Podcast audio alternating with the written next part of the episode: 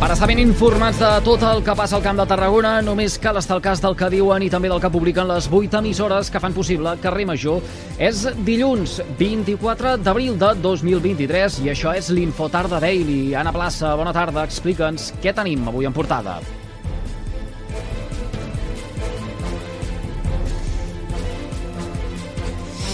Sembla que no és possible... Bona tarda, bona tarda, Eduard. Bona tarda, Eduard. Hola, què tal? Uh, Explica'ns què tenim sí. avui en portada.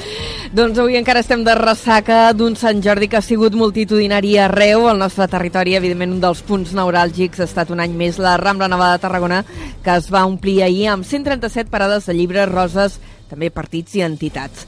L'afluència de públic i les vendes van ser superiors l'any passat, assolint, en alguns casos, gairebé xifres de rècord. Segons l'encarregat de la llibreria La Capona, l'Oriol Piques, la coincidència de la Diada Mundial Festiu ha beneficiat les vendes. Guany, com tothom sap, ha caigut la, la diada de Sant Jordi en diumenge, i això què volia dir? Doncs volia dir que al Noveri Cole esperava moltíssima gent, no? per a totes les famílies estarien amb la canalla, també doncs, segurament és per aprofitar la gent dels pobles que també vinguessin cap a la ciutat, i la idea era una mica doncs, anar a màxims, i així ha sigut, eh, començat el seu diumenge una miqueta tranquil·let, però de seguida a partir de les 10 i mitja més o menys ja la cosa ja s'ha començat a animar i les parades doncs, planes de gom a gom.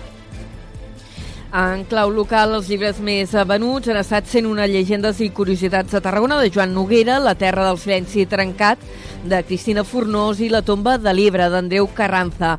Eh, Noguera és un dels autors que s'ha mostrat molt content i agraït eh, per l'èxit que ha tingut el seu llibre. Canviem de tema. El Port de Tarragona assoleix un triple rècord en moviment de cereals al primer trimestre del 2023. Per una banda, s'ha aconseguit 500.000 tones de cereals durant el mes de març, multiplicant per 3 el tràfic de l'any passat en aquest mateix període. Per altra banda, s'han mogut 1,8 milions de tones de cereals. Si mirem tot el còmput d'aquest eh, primer trimestre, que si ho comparem amb l'any passat, és un 66%. I finalment, també és el millor resultat de 12 mesos consecutius. S'ha arribat a gairebé 5 milions de tones mogudes de cereals.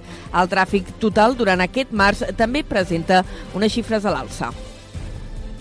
Més coses en crònica de successos. Detingut a Cambrils un fugitiu buscat per la policia alemanya per tràfic de drogues des del 2020. L'ha arrestat la Policia Nacional, que ha informat que l'home comptava amb una ordre europea de detenció, detenció i entrega. L'arrestat es dedicava presumptament a la importació, exportació i distribució de grans quantitats de cocaïna i marihuana entre Espanya i Alemanya. L'home hauria efectuat fins a 14 operacions per un valor de prop d'un milió d'euros. Carrer Major, la proximitat del Camp de Tarragona. Montblanc haurà de recol·locar la bandera espanyola a l'Ajuntament. Al setembre de l'any passat, una sentència ja va obligar el consistori a posar la bandera en un lloc destacat de l'edifici consistorial. Llavors es va col·locar la taulada de l'edifici al costat de la senyera i la bandera local, la bandera de Montblanc. Ara, una nova sentència diu que aquest no és un lloc correcte i que s'ha de col·locar la façana de l'Ajuntament, a més de la sala de plens i el despatx d'alcaldia. I en crònica de precampanya hem de destacar que Esquerra Republicana de Catalunya a Tarragona aposta per la urbanització de l'entrada oest de la ciutat i la reducció de trànsit en aquesta zona.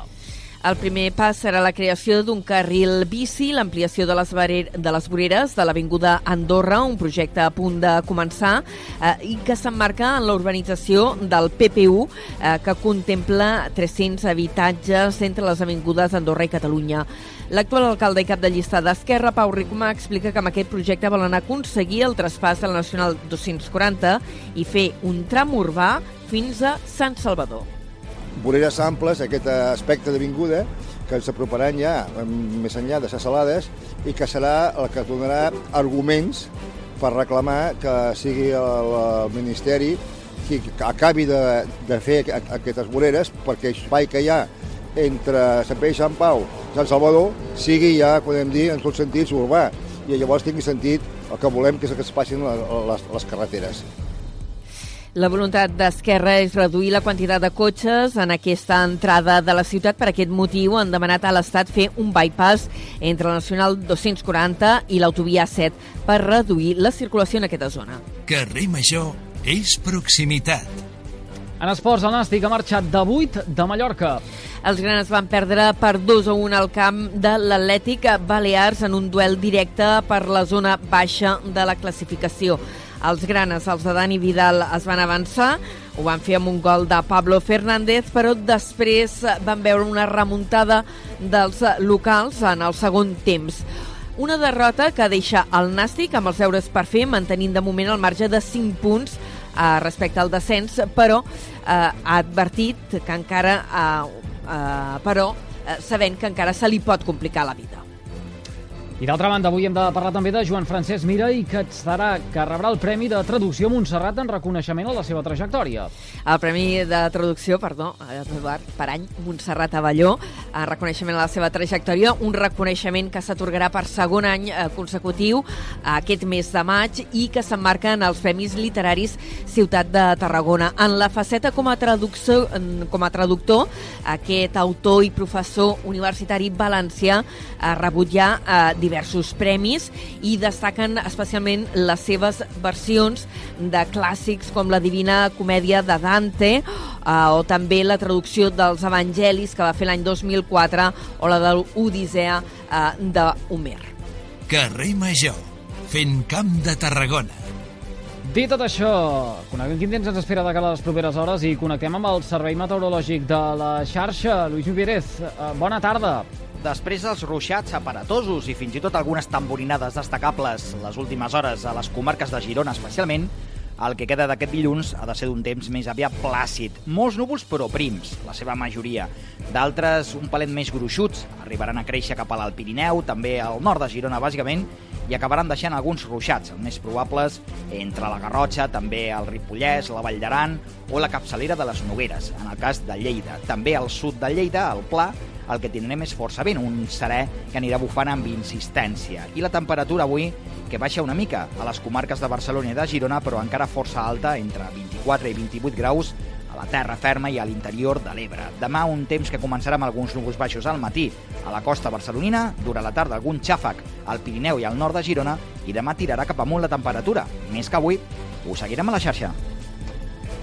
Ara sí, doncs ho deixarem aquí. Anna Blassa, gràcies també per aquesta pinzellada informativa amb el més destacat del dia al Camp de Tarragona. Que vagi bé, fins després. Fins després. I tots vostès poden recuperar l'info tarda daily d'aquest dilluns 24 d'abril des de les xarxes socials i els serveis de ràdio a la carta de les 8 emissores que cada tarda passegen plegades pel carrer Major. Gràcies per seguir-nos.